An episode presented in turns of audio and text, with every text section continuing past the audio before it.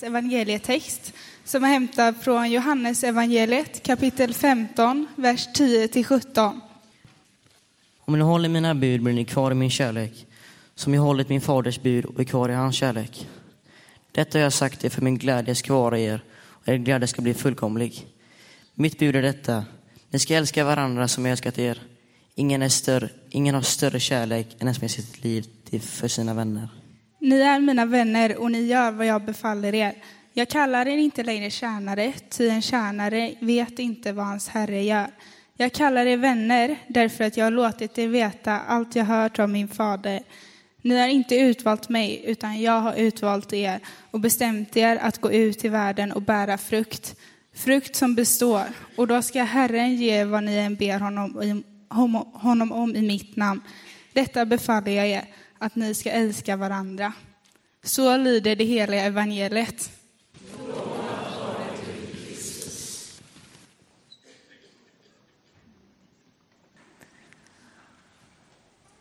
Det är med eh, stor glädje och ännu större ödmjukhet som jag har tackat ja till erbjudandet och förtroendet att bli pastor här i Saronkyrkan. Det blir en ny fas för mig i mitt liv, men jag eh, är jätteglad för och välkomnar den här omställningen. Jag älskar verkligen den här församlingen och ska försöka att eh, betjäna den efter bästa förmåga. Men vi börjar med att be. Gud, du som är kärlekens och livets källa. Tack för att du är närvarande här. Hjälp oss att ännu mer upptäcka din godhet. Öppna våra ögon och våra öron så att vi känner igen din röst när du talar till oss genom den här predikan eller genom något annat i den här gudstjänsten. Tack för att din heliga Ande är närvarande.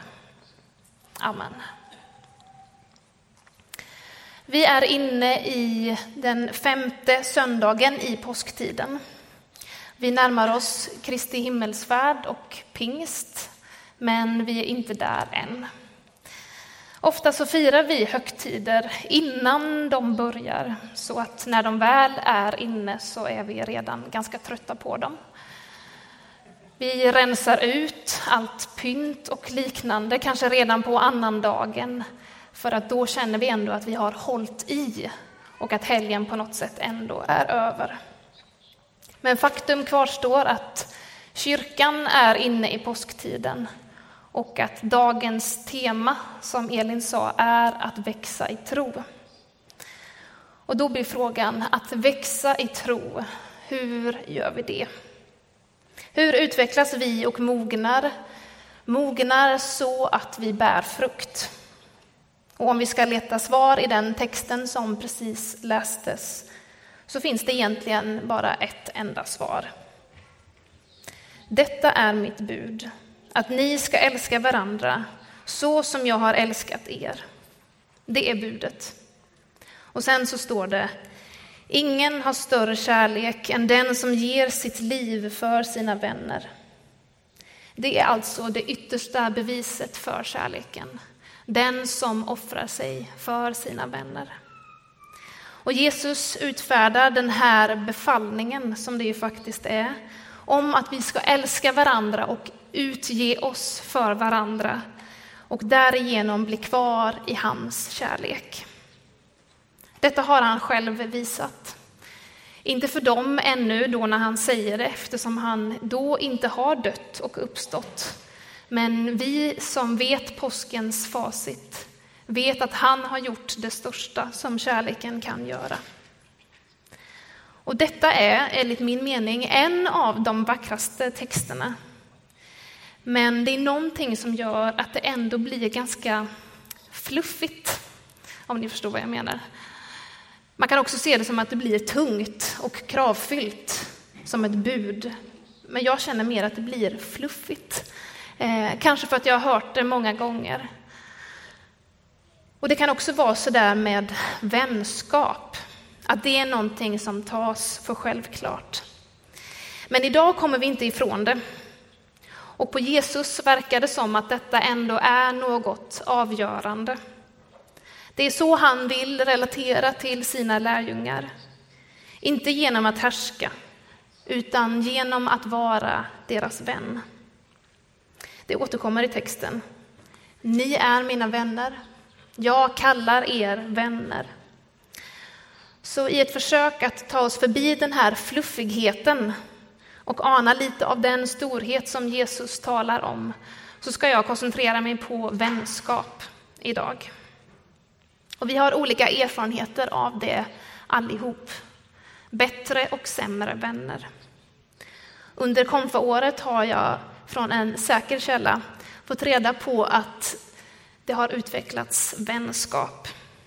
Det händer på våra arbetsplatser platser, och i bästa fall bland våra grannar. Kanske på den där resan ni gjorde ihop eller på den där utbildningen du gick. Och vi får utgå från dessa erfarenheter när vi idag ser dem i ljuset av bibelordet. För det finns något unikt i vänskapen.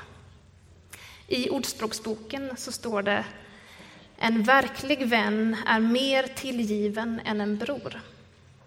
Och tänk på att detta sades i en kultur som var mycket mer familjeorienterad än vår. Idag kan vi hålla oss ganska distanserat till vår familj och vår släkt. De finns där, men vi behöver egentligen inte släppa dem så nära in på livet. Men då, då när detta skrevs, då var det mer givet. Ändå beskrivs det här att en vän är mer tillgiven, alltså närmre, än en bror. Och visst är det så att dina syskon och din släkt alltid kommer att finnas där på ett sätt eller annat. Men de behöver egentligen inte gilla dig. De finns där och du har dem och de har dig lite oavsett. Men en vän har valt dig. Inte för att ni automatiskt hängde ihop, utan grundat på ett val. Att jag vill vara din vän. Och de flesta kulturer sätter vänskap ganska långt ner på listan över viktig kärlek. Vissa kanske inte ens tänker på vänskap som en form av kärlek. Och i individualistiska kulturer, som vår egen, sätter vi nästan alltid romantisk eller erotisk kärlek högst. En och annan här inne har kanske haft en Mina vänner-bok. Eller kanske ett sånt här vänskapshjärta som man delade på mitten. Men det som vi dagdrömmer om och hoppas på, längtar efter, ofta redan i tonårsrummet, är den där romantiska kärleken. Vi har inga stora löpsedlar eller runtgående skvaller om vem som är bästa vän med vem. Det är inte det vi vill veta. Ofta är det också tydligt i de låtar som spelas. Det är mycket som handlar om romantisk kärlek. Ganska ofta om olycklig sådan. Men det är sällan som vänskap är det som står i centrum.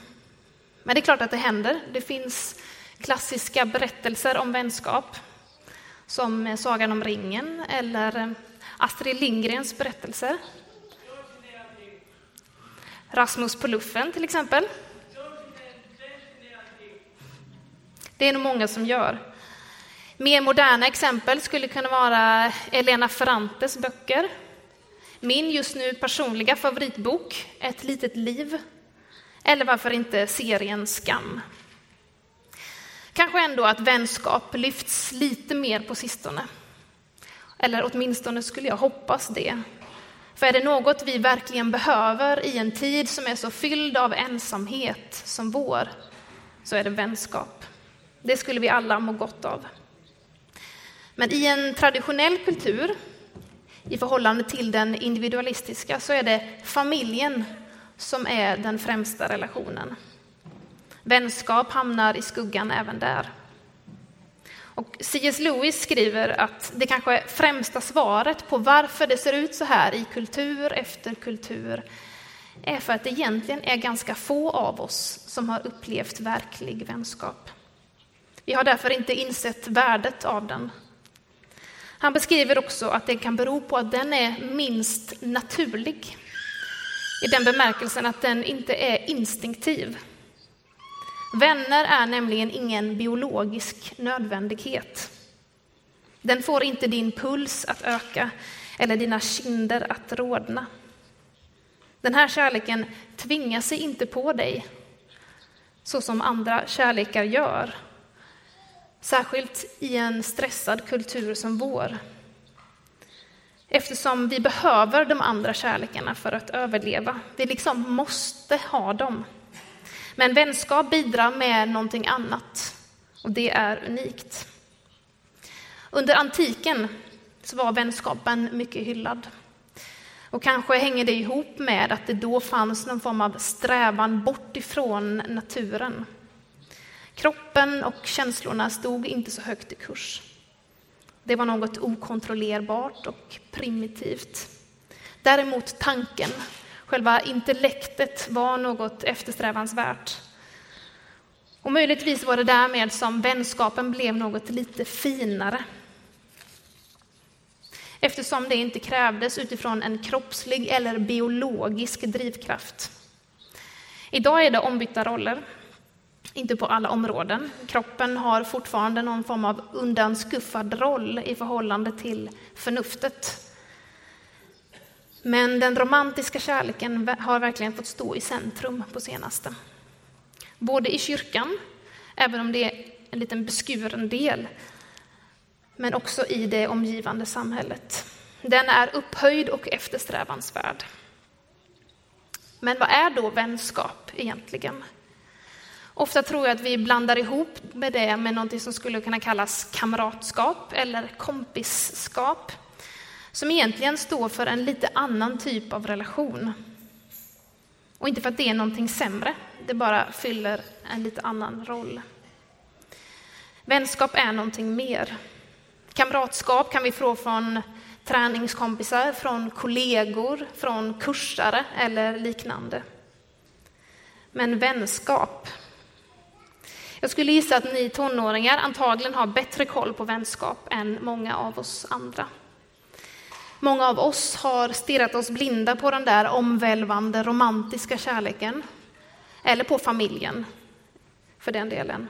Så att vi nästan glömmer vänskapen lite så att den har fått stryka på foten. Men vad är då vänskap igen? Vänskap är något som upptäcks. Och enligt C.S. Lewis igen, den upptäcks genom frågan Ser du samma sanning? Eller vi skulle kunna säga Bryr du dig om samma sak? Och när vi upptäcker någon som faktiskt gör det så blir responsen Va? Du med? Jag trodde att jag var den enda. Det handlar ofta om någonting som engagerar dig, något intresse som får dig att gå igång, någon fråga eller aktivitet som liksom föder din omsorg. Och en vän ser samma. Ni behöver nödvändigtvis inte hålla med varandra, men det finns något i det där att ni båda tycker att det är väldigt viktigt. Jag har en vän som jag delar en fascination för kloster med. Vi har haft vanan att åka tillsammans till diverse olika kloster och bo där några dagar för att få ta del av deras liv och deras rytm. För att upptäcka mer om den här annorlunda livsvägen och lära oss vad de har hittat där. För båda oss har det varit väldigt givande att ha en vecka under semestern och upptäcka en ny kommunitet. Och jag har full förståelse för att inte alla vill lägga en dyrbar semestervecka på att bo på ett kloster. Och det var därför jag inte heller nu i veckan skickade en ljudfil med en sångsnutt från den tidiga morgonbönen i Båse till någon annan än just Lovisa. För att hon förstår.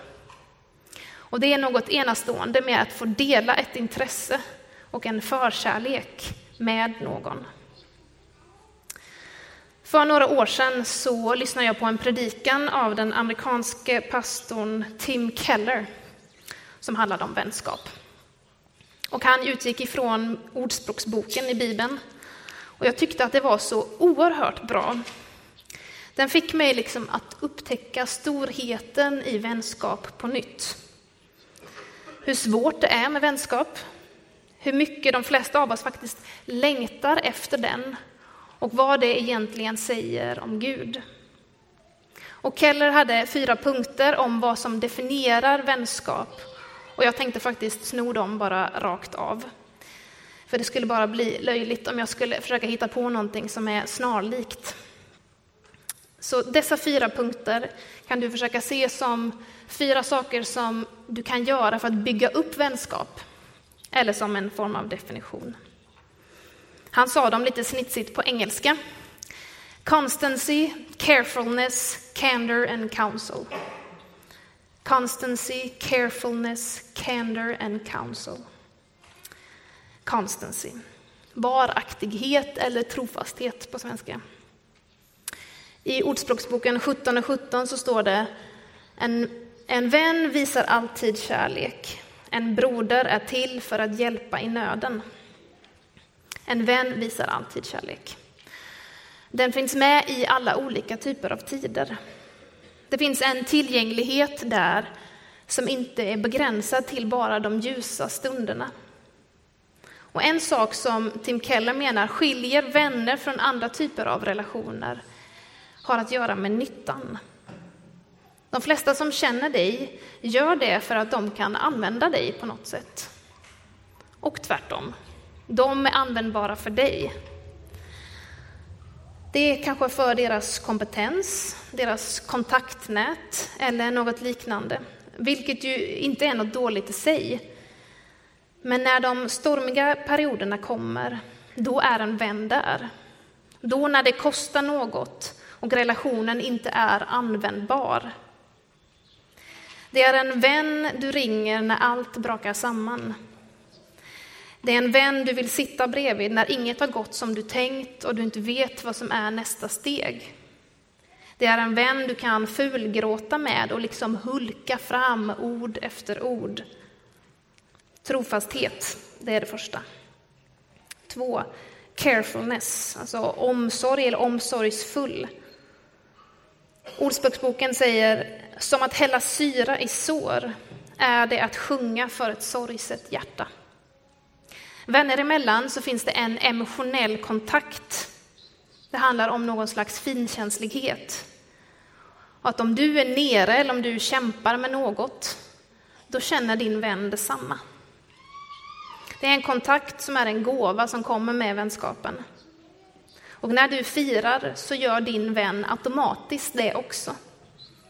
Det handlar om en följsamhet i själslivet. Men man kan inte ha det med för många, det förstår vi också. Det skulle liksom trötta ut den totalt. Så vi kan bara ge den här känslomässiga kontakten till några få. Punkt 3, candor, ärlighet vilket innebär sanningssägande. I Ordspråksboken, bättre öppen kritik än dold kärlek. Vännens örfil är ärligt menad, fiendens kyssar vill bedra. Att ge ord som din vän behöver höra, men som är smärtsamma för den att ta emot. Det är det det handlar om. Utan den här typen av relationer så kan vi hamna riktigt snett.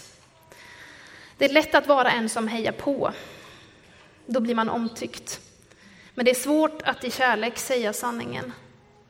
Och jag vet, detta kan och har missbrukats på olika sätt. Men det betyder inte att vi ska ge upp. För att gömma sanningen i rädsla för smärta är inte vänskap. Min stora syster är en av mina närmsta vänner. Och när vi pratar i telefon, som vi gör ganska ofta, så vet jag att jag inte kan ducka. Det kommer att komma, den där ärligheten. Och jag vet att både hon och jag ibland drar oss för att höra av sig just av den anledningen att det där kommer att komma. Men jag älskar det. Men det är inte lättsmält. Men om inte hon sa det, vem skulle då säga det? kanske ingen alls. Fyran, counsel, alltså råd eller råda. I Ordspråksboken, utan överläggning går en plan om intet, med många rådgivare lyckas den. I en vänskap finns ömsesidigheten att både ge och ta emot råd. De kommer från båda hållen. Och eftersom råden kommer utifrån trofasthet, omsorg och ärlighet så finns det god anledning att lyssna. Det är inte bara en person som ger dig tips utifrån någon slags allmän klok hållning, utan utifrån att den känner ditt hjärta, din kamp och din längtan. Men goda vänner är inte så många. Inte om vi ska förhålla oss till de här fyra orden. Det går helt enkelt inte. Det kräver en del av oss. Och när jag lyssnade på den där predikan av Tim Keller för några år sedan så skannade jag liksom mitt huvud på mina egna relationer. Och kanske har ni gjort detsamma. Man liksom kollar av, vilka vänner har jag egentligen? Och en anledning till att vi kanske inte har alla de vänner som vi behöver beror på att de försvinner ifrån oss. De flyttar, eller vi flyttar, eller olika saker händer i livet som gör att de inte är lika nära längre. Men det kan också bero på att det är svårt att vara en vän. Om jag ska förhålla mig till de här fyra orden så inser åtminstone jag ganska snabbt att jag inte alltid är en bra vän. Och när vi inte ger så är det ju inte säkert heller att vi får. Och antagligen så ger vi inte av oss själva just för att vi är rädda. Det kostar något och det finns ingen garanti på att vi får det där tillbaka. Jag riskerar mitt allra innersta, så det är inte så konstigt att jag tvekar.